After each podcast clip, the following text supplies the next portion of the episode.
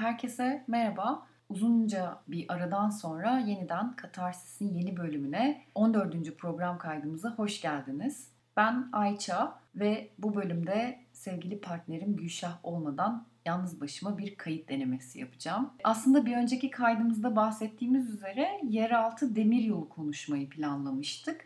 Fakat kitabın ve Amazon'da aynı isimle yayınlanan dizinin tabiri caizse böğrümüzde yarattığı ağırlıktan bir türlü kayda girecek enerjiyi ikimiz de bulamadık.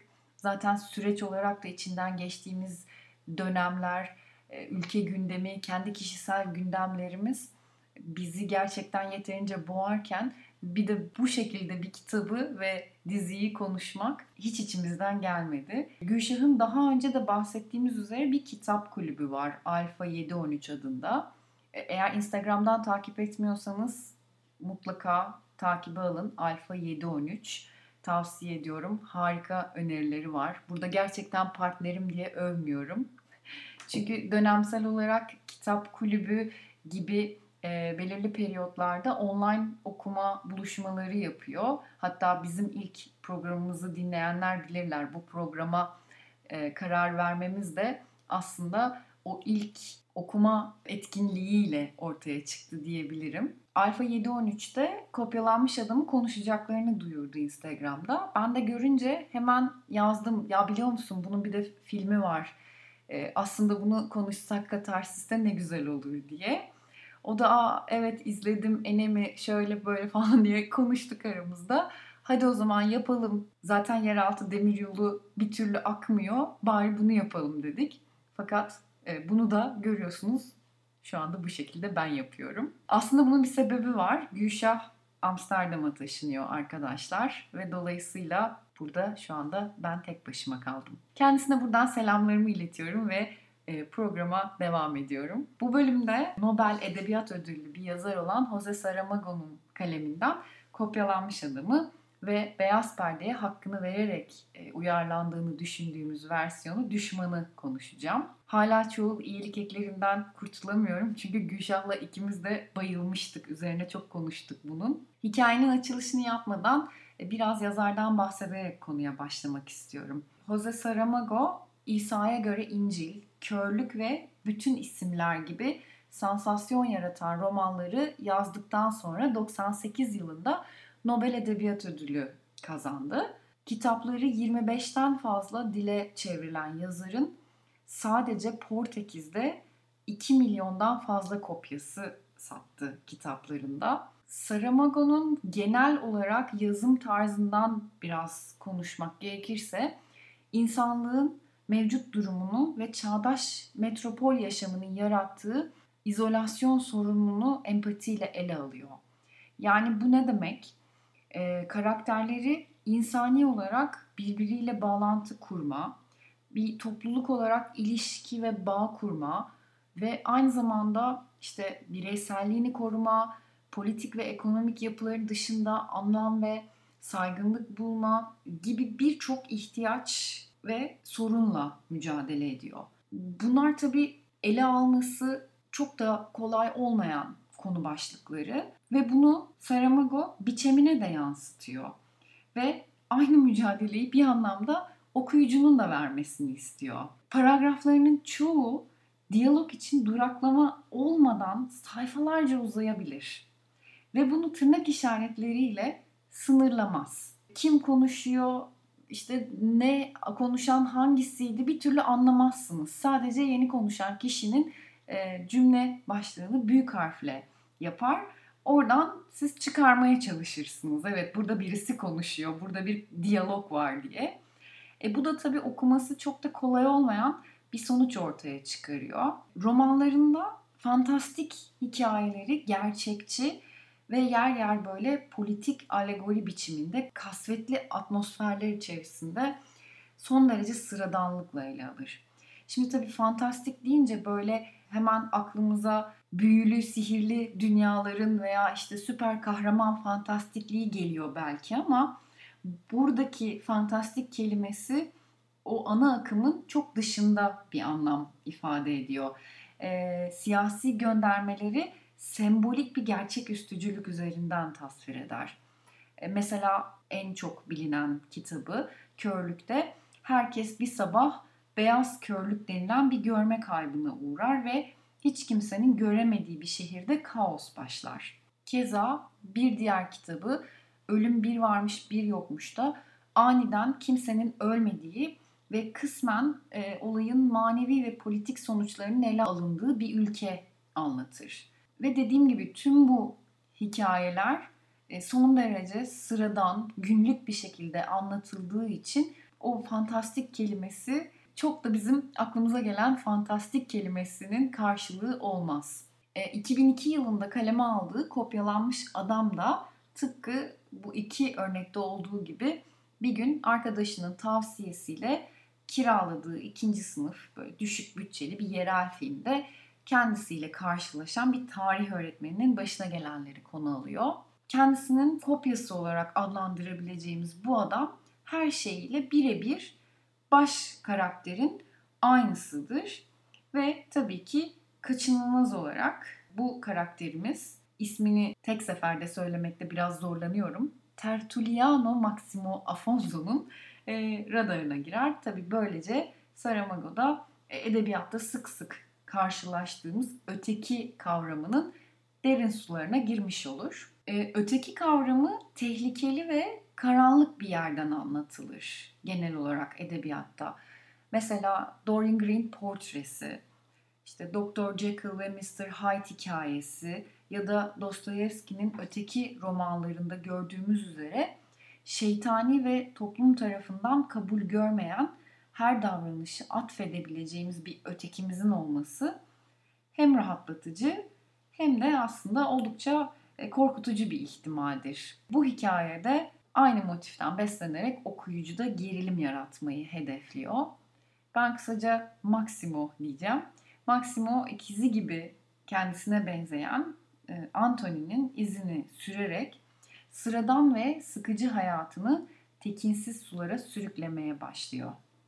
Aslında genel olarak hikaye özetle bu şekilde. Öteki fikri yani az önce de söylediğim gibi ilgi çekici ve merak uyandırıcı bir fikir. Yani sürekli hepimizin aklında mutlaka şöyle bir fikir geçmiştir. Benden bir tane daha olsa da bu yaşadığım hayatı o sürdürse ben de gidip o hayallerini kurduğum veya hiç yapmaya cesaret edemediğim uçuk kaçık şeyleri yapsam ama kimse bunun farkında olmasa çünkü zaten benden bir tane bunu devam ettirirken o ben diğer taraftaki gizli arzularımı bir şekilde sürdürebilsem gibi e, mutlaka aklımızdan geçmiştir. En azından benim geçti. E, ama e, Saramago burada birazcık onun e, ne kadar tehlikeli olduğuna dikkat çekmeye çalışıyor. Yani o karanlık tarafla karşılaşmaya gerçekten hazır mısınız sorusunu soruyor. 2013 yılında Denis Villeneuve yönetmenliğinde Enemy yani Düşman ismiyle Beyaz Perde'ye uyarlanan yeni bir hikaye. Saramago'nun çok katmanlı sembolik anlatısını başarıyla özümseyerek ortaya merak ve gerilim dozu yüksek bir film çıkarmayı başarıyor. Villeneuve'ü aslında iyi biliyoruz. Çok fazla sevdiğimiz filmleri var. Incendies, Prisoners, Sicario ve Arrival gibi e, başarılı filmlere imza atmış bir yönetmen ve gerçekten kendisinin bir imza tarzı var. Bakınca anlıyorsunuz yani bu belli ki aynı ustanın elinden çıkmış diye. Burada da o tarzını devam ettiriyor ve sepya tonlarında çektiği Düşman filminde İspanyol senarist Javier Gulon'la çalışıyor. İkili Saramago'nun hikayede değindiği ilkelerini böyle sanki kutsal öğretiler gibi baz alarak bu anlatının dışına çıkmamış ve yazarın dert edindiği konulara cesurca eğilmekten geri durmamışlar. E, diktatörlük, tarihin tekerrür etmesi motifi, kapitalizm gibi politik kavramların yanı sıra şehir hayatında sıkışmış, kendiyle, sevdikleriyle, annesiyle özellikle bağ kurma gibi duygulara yabancılaşmış bireyin sorunlarını incelikle seçilmiş simge ve temaların etrafında sürreal bir anlatıya dönüştürüyor. Tarih öğretmeni Edma ve aynı zamanda onun kopyası olan Anthony'ye hayat veren Jake Gyllenhaal performansına övgü dolu metiyeler düzmemek için şu anda kendimi zor tutuyorum. Gerçekten iki ayrı zıt karakter birbirine hiç benzemeyen ama fiziksel olarak tıpatıp birbirinin aynı olan bu iki karakteri o kadar iyi canlandırıyor ve aralarındaki gerilimi o kadar e, iyi veriyor ki gerçekten bunda kişisel olarak Jake Gyllenhaal'a hayranlığımın etkisi yok. Açıkça söyleyebilirim. e, objektif bir yerden yaklaşıyorum. Filme dönersek e, en başında da karşımıza çıkan örümcek imgesi final sahnesine kadar sıklıkla karşılaştığımız bir metafor haline dönüşüyor. Ben bu fikre gerçekten çok yükseldim izlerken. Çünkü zaten bahsettiğim gibi Saramago'da bu imgeleri çokça kullanan, çokça bunlarla oynayan bir yazar ve filmin uyarlamada buraya bir gönderme yapıyor olması ve bunu da aslında hikaye içerisinde hiç olmayan ama hikayeye çok da doğru bir dokunuş katan bir imgeyle yapıyor olmasını gerçekten çok e, beğendim ve inanılmaz böyle izlerken tüylerim diken diken izledim öyle söyleyeyim. Ötekinin şeytani ve karanlık olma halini sembolize eden Anthony'nin aslında bir gizli yaşamı olduğunu öğreniyoruz biz bu imge üzerinden. E, zaman zaman panoramik açılardan şehrin üzerinde gezinirken karşılaştığımız bu yaratıklar mitolojik altyapısından gelen mesajlarla da e, aslında birçok anlama geliyor. Böyle ben mesela kendimce kendi sonunu getiren insanı sembolize ediyor gibi bir okuma yaptım mesela. E, biraz araştırdığımda da örümceğin farklı coğrafyalarda, farklı kültürlerde benzer anlamlara geldiğini fark ettim. İşte ağ örmesi açısından aslında bizim dilimize de yerleşmiş olan işte kaderin ağlarını örmesi söylemi. Diğer kültürlerde de işte kibirle yola çıkan insanın tanrılarla savaşa girmesi ve bunun sonucunda da kendi sonunu getirmesi gibi birçok farklı anlama geliyor. Ama baktığımızda hepsinin e, negatif ve sonu e, pek de hayırlı olmayan bir yola yönelttiği anlamını çıkarıyoruz. Ben e, filmi ilk kez 2014 yılında 33. İstanbul Film Festivali'nde izlemiştim. Hatta çok enteresan bir şekilde e, aynı festivalde Dostoyevski'nin öteki romanının bir uyarlaması olan Double isimli film de gösterime girmişti. Çok benzer konular ve e, çok benzer e, olay örgüleri olan iki filmdi. Ama tabii ki bence Enemi'nin yeri ayrıdır. Filmi izledikten sonra biraz böyle okuma yapmak istedim. Yani okuması zor olduğu kadar izlemesi de zor ve tek seferde izleyip böyle tamam bu iş bitti, bu defteri kapatalım denilebilecek bir film değil. Bu yüzden üzerine açıp biraz okumak, araştırmak gerekiyor. Ben de e, Aa, aslında Saramago'nun kitabından uyarlanmışı bu süreçte keşfettim. Bu programı yapmaya karar verdiğimizde filmi bir kez daha izledim. Şu anda online bir platform olan Mubi'de izleyebilirsiniz filmi. Saramago'nun okuduğum ilk kitabıydı Kopyalanmış Adam. Ee, önce filmini izlemiş olmama rağmen konuya da hakimim. Neler olacağını da biliyorum. Ama buna rağmen kitabı okumak beni çok zorlamıştı. Çok uzunca bir süre elimde süründü yani kitap. Oradan oraya araya başka kitaplar girdi. Bir türlü bitiremedim ve zaman zaman böyle çok sıkıldığım ve yok ya okumayayım deyip elimden bıraktığım ama sonunda bir şekilde okuyup bitirdiğim bir kitap oldu. Ee, gerçekten okuması çok kolay değil. Ee, bu noktada da ben Kırmızı Kedi yayınlarından çıkan kitabın çevirmeni Emrah İmre'yi anmadan geçmek istemiyorum. Çok harika bir çevirisi var kitabın. Hatta araştırdığımda İngilizceye The Double ismiyle çevrildiğini gördüm.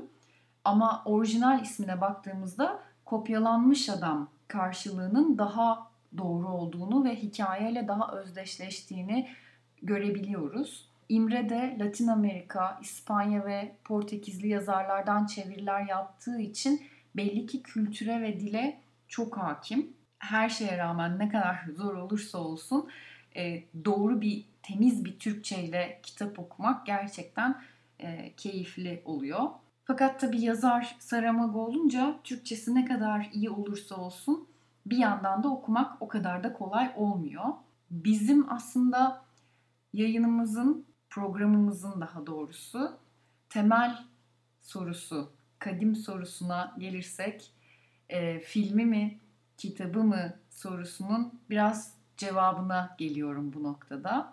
Filmdeki görsellik ve uyarlamaya eklenen ögelerin tadı açıkçası daha çok damağımda kaldı. Buna da ben Denis Villeneuve etkisi diyorum ve bu sebeple ne kadar e, iyi bir yazar olursa olsun sanırım Saramago'yu biraz harcayıp filmini seçiyorum. Kesinlikle her ikisini de öneriyorum. Filmini de kitabını da mutlaka okuyun, izleyin.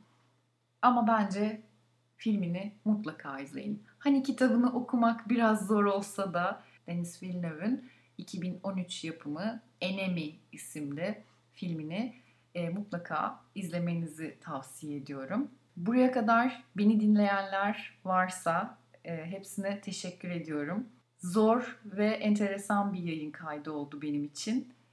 Böyle kendi kendine konuşma, biraz deli işi. E, ben yine de bundan sonra partnerimle, Gülşahçığımla yeni programlar çekmek için sabırsızlanıyorum. Beni dinlediğiniz için teşekkür ediyorum. Bir sonraki programımızda görüşmek üzere diyorum. Hoşçakalın.